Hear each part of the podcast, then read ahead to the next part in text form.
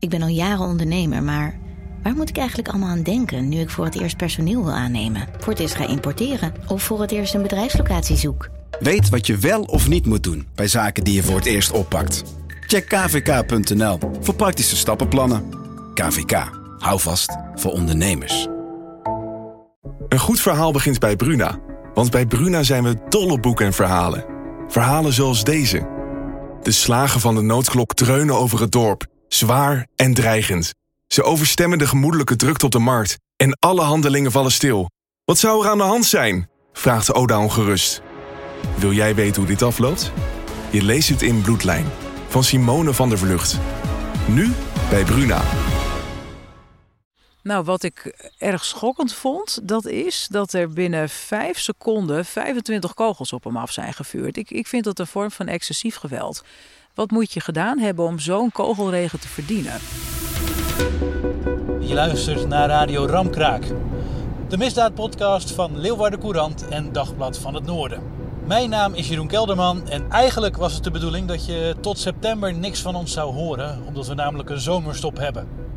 Maar collega's Bart Omer en Wietske Koen, die hebben een onderwerp dat ze dermate belangrijk vinden dat we er een extra aflevering over moeten maken. En daarom ben ik onderweg naar Boelenslaan, een klein plaatsje ten noorden van Drachten. De plek ook waar twee jaar geleden Andries Boy door politiekogels om het leven kwam. Waar we hebben afgesproken is in ieder geval eh, midden op het platteland in Friesland. Dus even kijken, ik zie vooral heel veel weilanden, bomen. Af en toe staat er een boerderij. Het is niet eens echt Poelenslaan. Het is uh, net daarbuiten. En dan hebben ze me verteld, Wietske en Bart, dat ik ergens moet zijn waar een zandpad begint. Dat zal hier zijn. Ah, ik zie ook een monument. Petunia's staan mooi in bloei. En dat is inderdaad het uh, monument van Andries Boy. Hier moet ik zijn. En dan, uh, ik zie Bart en Wietske nog niet, maar dit lijkt me wel een mooi plekje om even een tent op te zetten.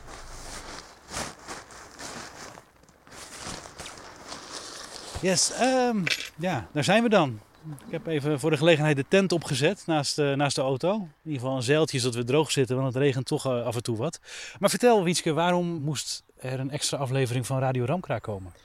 Nou, dat komt omdat uh, afgelopen maandag het rapport van de Rijksrecherche werd gepresenteerd aan de ouders van Andries Boy. En Andries Boy is een, of was een 28-jarige jonge man uit Boelenslaan. Die in de nacht van 15 op 16 september 2021 werd doodgeschoten door de politie na een achtervolging. Hij was, had een stopteken genegeerd bij Katrebra. En toen kreeg hij de politie achter zich aan. En het werd een wilde rit. Hij sloeg hier de Fjouwe Roerden in. En met hier bedoel ik de, de, weg, de, de provinciale weg. Neemt de afslag naar zijn woonplaats. Maar in plaats van rechtdoor te rijden naar zijn ouderlijk huis... Uh, slaat hij hier een, een onverharde zandweg in, uh, de Fjouwe Roerden. Daar is, hij, uh, daar is hij doodgeschoten. En hier op de hoek van de Parkste Reet met de Fjouwe Roerden, daar staat een monumentje. En daar zitten we nu ook, hè? aan die zandweg waar die ingeslagen is met de auto. We hebben net ook even voor deze, voordat we starten met deze opname even een stukje gereden. Ook het stuk wat hij dan gereden heeft uh, voor hij werd doodgeschoten. We rijden nu op de Fjouwe Roerden. En uh, de Fjouwe Roerden, dat is een, een onverhard zandpad. Ja, ik kwam net van de andere kant met de auto. En ik had eerlijk gezegd het idee dat dit weggetje er niet meer bij hoorde. Dat dit een soort privéweg was of zo naar een huis toe. Nee hoor, dit is een, een, oude, een oude reet, zoals je dat uh, ook kunt noemen. Dat, ja, we gaan er nu op, hè? Ja, nou ja, je voelt het wel. Het hobbelt, alle, het hobbelt uh, nogal. Grote kuilen. En moet je je voorstellen, dit heeft Andries Boy in de nacht van 15 op 16 uh, september 2021 in het donker gereden met een behoorlijke snelheid. Met de politie achter zich aan. Hoe hard rij jij nu, Bart?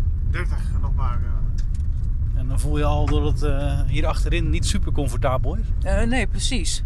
Het is een weg. Het is eigenlijk twee karrensporen zijn het. Twee bandensporen met in het midden gras. Rechts en ja. links gras en bomen. Inderdaad. Ik ga ook een beetje naar links rijden, want dan ben ik bang dat ik, dat ik het kart er onderweg rijd. Links en rechts zie ik door de rij eikenboompjes die hier, hier staat heen weilanden. Ja, en hier, was, uh, hier werd hij uh, echt op de hielen gezeten. En we komen zo meteen op de plaats waar eh, we naderen nu een dikke kuil. Het is hier Zo. ook, eh, ja, de bandensporen zijn eigenlijk weg. Het is hier eigenlijk gewoon ja, een stuk grasland met nog vage spoor van eh, wat je een weg kunt, eh, kunt noemen. Ja, en zometeen, vlakbij waar dat huis staat, hier zometeen, hier werd hij eh, echt eh, achterop gereden door politie op deze plek. Deze plek Op hier. deze plek, ja. En hij moet daar ook, met, daar volgde, eh, een- nou ja, daar gingen ze op hem schieten. Binnen eh, vijf seconden werden er 25 eh, kogels op hem afgevuurd door drie agenten. Eén daarvan, eh, één kogel raakte hem in de nek, die werd hem fataal. En zijn auto is door een sloot eh, en nog een stuk weiland gereden en tegen een boom eh, tot stilstand gekomen. Ja, we komen nu bij de plek waar een monument voor hem staat. Op een grote kei een, een naambordje met Andries Boy erop. En de petunia's staan, staan mooi in bloei. Dit eh, is opgericht in februari van het afgelopen jaar. Een gedenkteken door de familie en door vrienden van Andries. En dit mag van de gemeente hier altijd blijven staan. Daar hebben ze toestemming voor gekregen. Het is ook wel mooi in die bochten op deze manier. Ja, en het wordt eh, goed bijgehouden. Zijn moeder geeft elke avond hier het bloemenwater. Er zijn geregeld mensen die hier iets neerleggen. Je ziet een Mercedes-ster, want Andries was helemaal gek van, eh, van Mercedes. Er liggen muntjes van een dorpsfeest uh, Tille. Hij was eh, een graag geziene gast op dit soort festiviteiten. Nou ja, nou, er ligt een blikje, lag laatst een blikje Red Bull. Dat, eh, daar stond ook op eh voor hè, voor jou. Dat had een kameraad eh, daar neergelegd. Dus dit, wordt, dit is echt een plek waar, waar mensen geregeld even stilstaan bij Andries. Ja. En als ik zijn foto zo zie, dan ziet hij eruit als, als een echte boerenjongen. Waar je er volgens mij in elk dorp wel een stuk of tien van hebt rondlopen. Ja, Breed in de schouders, nou ja, vriendelijk zoals, die er, zoals ik hem daar op die foto zie. Ja, een eh, jongen met een eh, groot eh, sociaal, een rijk sociaal leven. Veel vrienden, vriendinnen. Hij woonde nog thuis. 28 jaar, enigs kind, enigs kleinkind. Maar een graag geziene gast op feesten. Hij had overal kennissen, bekenden. Hij kreeg ook heel veel mensen over de vloer. Het was iemand die midden in het leven stond. Bij dit monument zitten we. Nou, nou zou je kunnen zeggen, als je heel hard bent, hè, je moet ook gewoon niet vluchten voor de politie. Dat is niet slim om te doen. Wat stond er in dat Rijksrecherche-rapport wat het nou zo bijzonder maakt eh, dat, we- dat we hier zitten? Ja, wat stond erin?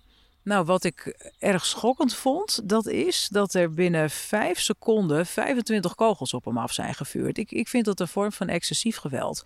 Wat moet je gedaan hebben om zo'n kogelregen te verdienen? We hebben op de redactie ook gewoon eh, getimed. Hè? In vijf seconden gewoon. Tut, tut, tut.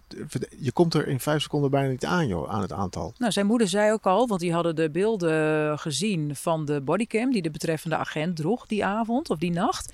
Het, eh, het was net een mitrailleur. Het ging achter elkaar door. Want was het dan één agent die die 25 schoten loste? Nee, Of ze waren het waren met z'n drieën. Er waren drie agenten die dat deden in een heel kort tijdsbestek. Ze hadden hem eindelijk eh, hadden ze hem ingehaald. Ze zijn op hem gereden, achterop gereden. En toen zijn ze gaan schieten. 17 kogels raakten de auto en eentje trof Andries dodelijk in de nek.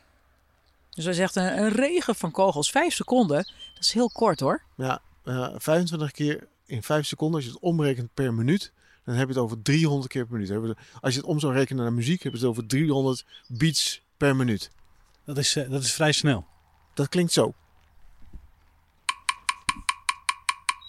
Dit is 25 keer in 5 seconden. Moet je je voorstellen dat dit hier geklonken heeft. 1, 2, 3, 4, 5. Nou, geef je een voorstelling van wat er gebeurd is hier. Ja. ja, dat is niet aan te ontsnappen. Eh, als je dit hoort, dat op je afkomt, dit. Ja. dat, nou ja, wat, wat ga je doen? Ja, je kunt er niet aan ontsnappen. eh, en, en daarom wil ik ook zo graag dat, eh, een, een, dat er gekeken wordt naar die proportionaliteit. Nu wordt alles afgedekt met die ene term. Ja, het was gerechtvaardigd om te schieten, want het was noodweer. Maar het was helemaal niet proportioneel. Weet je, met zoveel kogels in zo weinig seconden. Was Andries vuurwapen gevaarlijk? Nee. Waarom verdiende hij dan een, een kogelregen? Hij eh, negeerde een stopteken, dat was alles. Waar werd Andries nou van verdacht? Wat werd hij verdacht van een moord? Hoe kwam het dat de politie achter hem aanging? Nou, hij heeft uh, drie weken voordat dit gebeurde, is hij zijn rijbewijs kwijtgeraakt vanwege te hard rijden. Dat had hij ook niet verteld thuis. Hij had zijn rijbewijs nodig omdat hij vrachtwagenchauffeur was. Hij wilde gewoon doorgaan. En hij is waarschijnlijk in, het, in paniek geraakt toen hij, die, uh, toen hij op die controle stuitte. En hij gaf geen gehoor aan het stopteken. Toen is hij er vandoor gegaan. En uh, toen zijn ze achter hem aangekomen. Maar het was geen uh, crimineel. Zijn moeder benadrukte dat ook nog van ja, het, uh, soms wordt hij zo bekeken naar, omdat hij zo achterna gezeten is. Soms wordt hij zo afgeschilderd. Maar dat was hij bepaald niet. Helemaal niet zelfs. Ik denk dat hij gewoon in paniek is geraakt bij het zien van die controle. En dat hij heeft gedacht, ik moet wegwezen. Maar inderdaad, dan kun je iemand de volgende dag vragen naar het bureau te komen. Van joh, leg jij eens even uit. Dan hoef je niet uit te gaan of over te gaan op, zulke, op zo'n vorm van geweld. Ja, je vroeg ook, uh, waarom gaan we nu aan deze podcast hier nu aandacht aan besteden? Uh, het is nu al de tweede keer hè, dat er geschoten is in een situatie waarbij dan een agent in gevaar zou komen. We kennen allemaal het geval van de boerenzoon Jouke uit Akrum. Daarop is geschoten toen hij bij een boerenprotest op de snelweg bij. Hij wilde toen de politieblokkade uh, passeren en een van die agenten die, uh, nou, die raakte in paniek of uit frustratie. Nou, we hebben allemaal de beelden gezien destijds dat hij vuurde op Jouke. We hebben allemaal het kogelgat gezien in het deurspel van zijn tractor. Dat scheelde helemaal niks of Jouke was doodgeschoten. En, en waarom nu dan deze podcast? Nou weet je, het gekke is Jeroen. De agent die toen schoot op Jouke bij Heerenveen, die wordt wel strafrechtelijk vervolgd voor, uh, wegens pogende doodslag. En de agenten die uiteindelijk Andries doodschieten, die worden niet vervolgd. Terwijl er wel allemaal vraagtekens zijn. Het is allemaal niet helder geworden wat er nou precies is gebeurd. Um, en dat maakt het ook bijzonder dat uh, er niet tot vervolging uh, is besloten. Kun je eens beschrijven wat er dan in dat rapport van de Rijksrecherche staat? Uh, ja, nou, hij is hier achterop gereden door de politie, hier in de Fjouwenroede. En toen werd er gezegd, we hebben geschoten omdat Andries achteruit op ons inreed. Maar het bijzondere is dat de auto van Andries later uh, door een sloot is gegaan, door een stuk weiland en tegen een boom tot stilstand is gekomen. Waarom stond de auto in de vooruit? Dat is iets uh, dat niet helder is geworden. Dat, dat staat moet je even, ook... even, uitleggen, want het kan niet per ongeluk gebeurd zijn of uh, nou, dat hij nog wel in leven was. Dat toen... wordt gezegd. Nee, hij was niet meer in leven. Hij viel. Naar zou de... zijn, hè? Dat zou zijn, ja. Hij, hij zou niet meer in leven zijn. Dat, dat is ook een vraagteken dat in het rapport. Dat, dat weten ze niet. Hij, er wordt gezegd, hij is naar de passagiersstoel gevallen. En toen moet hij mogelijk de pook, het was een automaat, die auto. Moet die pook misschien naar voren zijn geschoten. En dat hij daardoor in de vooruit is gekomen. En de sloot heeft kunnen pakken. Een stuk weiland tegen de boom tot stilstand is gekomen. Alleen, um, het was een, een oude auto. En die pook moet je juist naar je toe trekken. En Andries is op dat moment waarschijnlijk al overleden geweest. Hoe kun je nou als een, ja, een dode kan echt niet schakelen ja, of, of remmen? Ook, en dat is ook het pijnpunt hè, in het rapport. Want uh, het Openbaar Ministerie heeft dan begin deze week naar buiten gebracht het rapport. Uh, de nabestaanden zijn vooraf op die dag geïnformeerd. Maar in het bericht dat erbij staat zegt uh, dat zij, een, ze zeggen dat de agenten schoten uit noodweer.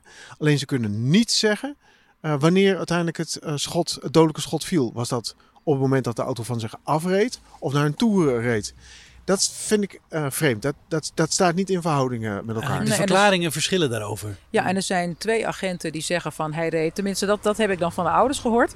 Um, dat de auto van hun afreed. En de ene agent die heeft geschoten, die het dodelijke schot heeft gelost, uh, die zei hij reed op me af achteruit. Dat, dat is ook weer vaag. Ja, en, en wat, er, wat erbij speelt, hè, Jeroen? Maar mag je uh, schieten als een auto van je afrijdt? Want nou ja, dan ben je toch niet in gevaar? Dan is het toch geen noodweer?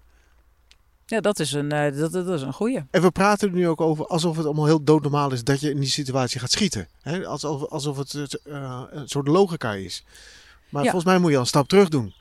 namelijk, heeft het zin om te schieten op een rijdend voertuig? Nou ja, je weet als je op een rijdend voertuig schiet of op een voertuig überhaupt dat je het, het bovenlichaam raakt, de nek, het hoofd. En dat is vaak, uh, dan moet je een dodelijke afloop incalculeren. Is dat verstandig om te doen? Banden waren overigens heel. hoe zag die auto eruit? Waar is die auto geraakt? Uh, waar is op geschoten? Waar Kon is je op dat geschoten? Ja, echt op de bovenkant. Uh, de banden waren gewoon heel, behalve de reserveband. Want die zit bij zo'n voorwieldrive zit die achterop. Maar de kogelgaten zit toch aan de achterkant en de zijkant en aan de voorkant? Ja, vooruit was kanten. eruit, zijkant was eruit en de achteruit. Dus ze hebben ook overal gestaan. ze hebben aan alle kanten gestaan. En de banden waren gewoon heel hoor. Daar was niks mis mee. En dat, in dat is toch vreemd? Dan, ben je toch, dan klinkt het toch bijna als shoot to kill. Ben je als agent heel erg bang als je dit doet? Dit is iets, dit, dit moet, ja, ik snap niet hoe iemand tot zulke excessief geweld Ik sprak komt. Eh, van de week uh, sprak ik een agent, uh, heel ervaren, en die zegt: Bart, schieten is ook angst, hè? Uh, hij heeft het nog nooit uh, uh, op die manier gedaan. Hij heeft wel eens collega's voorkomen dat hij het, het wapen uit holst pakt en zegt: heel leg weg.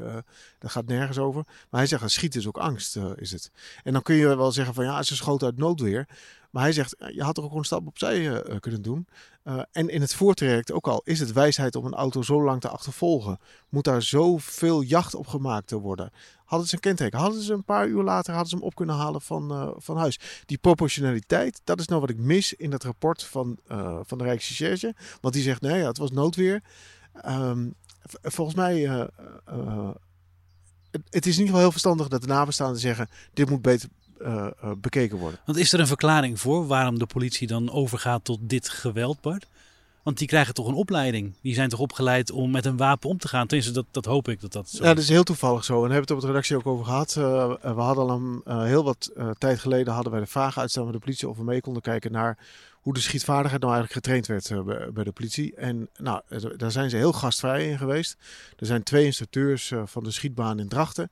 Die hebben twee dagen lang ons helemaal rondgeleid, hebben alles getoond. We mochten alles vragen, mochten alles bekijken. Dus die gasvrijheid was, was, was ongekend. Um, maar er zit wel een, zitten twee pijnpunten aan. Want we hebben daar, komend weekend hebben we daar dan uh, ook verhaal van in de krant. A is, die trainers zeggen wij trainen absoluut niet op het schieten op voertuigen, bewegende voertuigen. Sterker nog, in de meeste gevallen ontraden we het. Want het is gewoon een geval met te veel variabelen. Schiet je op een voertuig, zegt hij een 9 mm. Dat haalt helemaal niks uit op een auto. De hoek waarin een kogel uiteindelijk op een voorruit terechtkomt. Waar ketst die af? Hoe snel beweegt het voertuig? Hij zegt, het is gewoon geen wijsheid. Omdat, de instructeurs die ik sprak, die zeggen, het is geen wijsheid om dat te doen. Wij trainen er in ieder geval nooit op. En dat verhaal komt dan nu juist in die week dat die twee gevallen nu samenkomen. Want er is wel geschoten op een bewegend voertuig van Andries. En wel op een bewegende tractor van Jouke. Precies dat wat niet getraind wordt, of wat afgeraden wordt, dat is er gebeurd.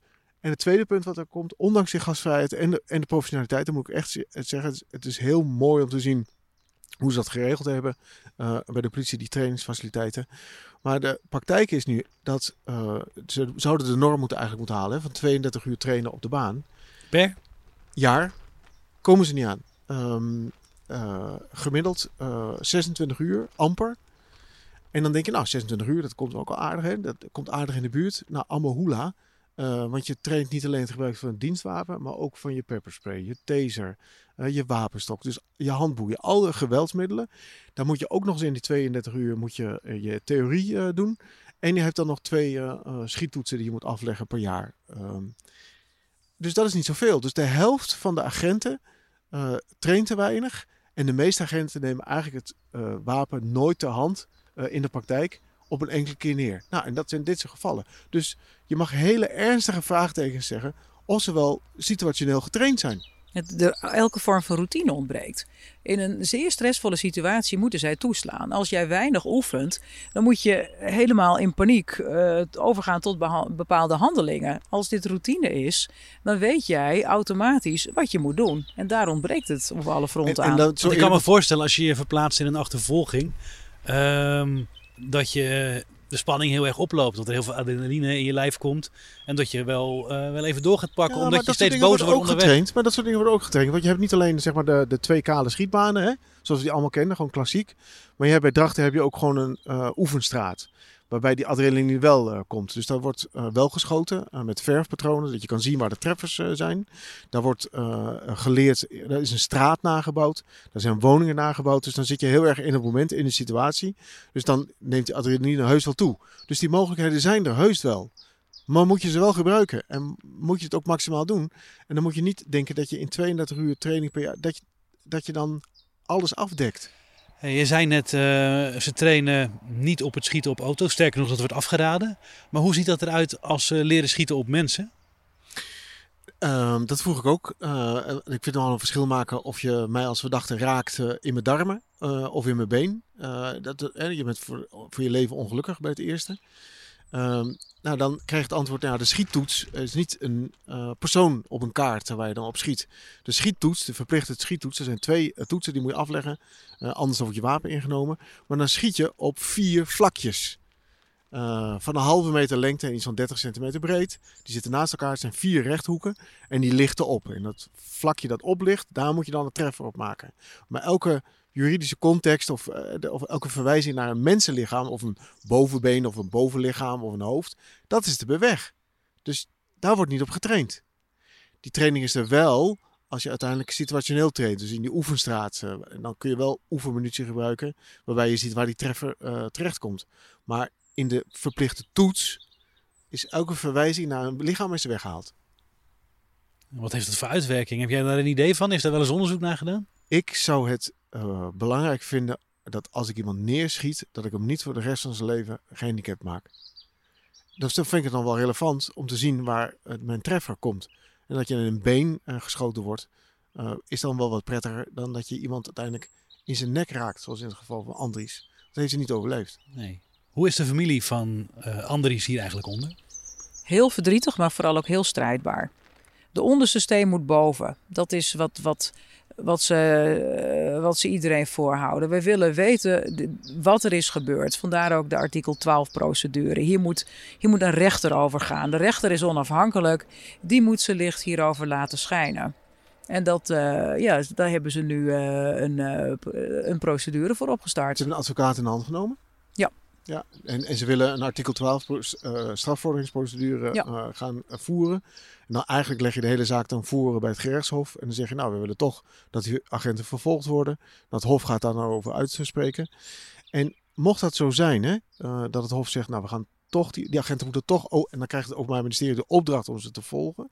Maar dan komt ook alles boven tafel, hè. Want in het geval van Jouke hadden we de mazzel dat er twee passanten waren die toevallig een videootje maakten. Eh, en daaruit bleek al heel snel dat het aanvankelijke verweer, dat, dat die man uit het noodweer schoot, dat het echt bullshit was. Ja, beelden wezen uit dat hij juist om de blokkade heen reed in plaats van richting de politie.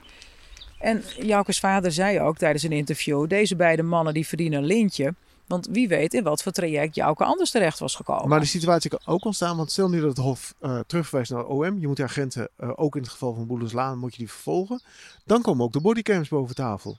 Want ik heb begrepen eh, van jou, Wietske, de nabestaanden hebben wel iets gezien van die Ja. body, maar niet alle beelden. Er zijn veel meer beelden. Nee, ze zagen vooral duisternis en zwaarlichten. En ze hoorden vooral die schoten, die 25 schoten. Het was net een mitrailleur, zei zijn moeder. En daar hadden ze echt eh, een paar keer om moeten vragen om, eh, om daar wat van te zien te En krijgen. ze zijn natuurlijk heel terughoudend. Hè? Eh, het, het, het OM, de officier, die gaan dan die nabestaanden inlichten. Want die beslissing komt eraan. En dat is allemaal heel sumier. Want die willen natuurlijk ook niet belasten met vreselijke beelden. Maar reken er maar aan dat die, het, het hele incident Boelenslaan is van voor tot achter vastgelegd.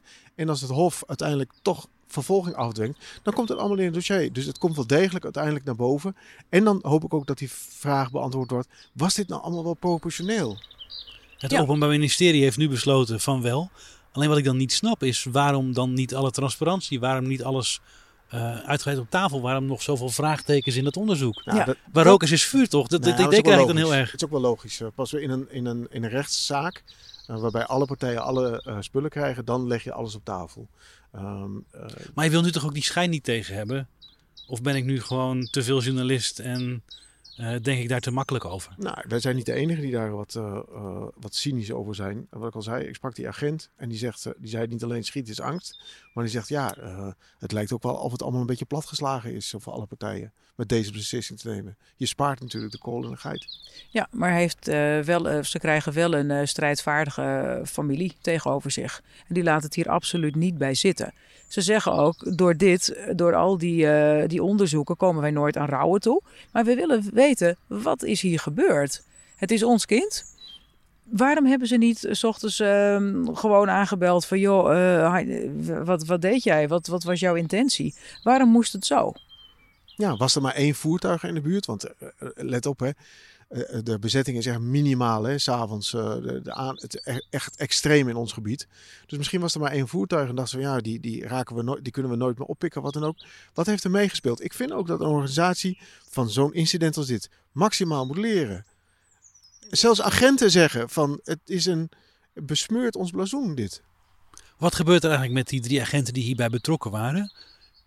Kijk, dat je dat niet in de openbaarheid bespreekt, dat snap ik hoor. Maar wordt hier nog intern over gesproken? Of, of krijgen die mensen begeleiding hierbij? Want ook zij moeten natuurlijk wel leven met het feit dat er iemand is doodgeschoten. Het is wel een heel zwaar traject hoor. Uh, uh, deze uh, betrokkenen worden aangemerkt als verdachten.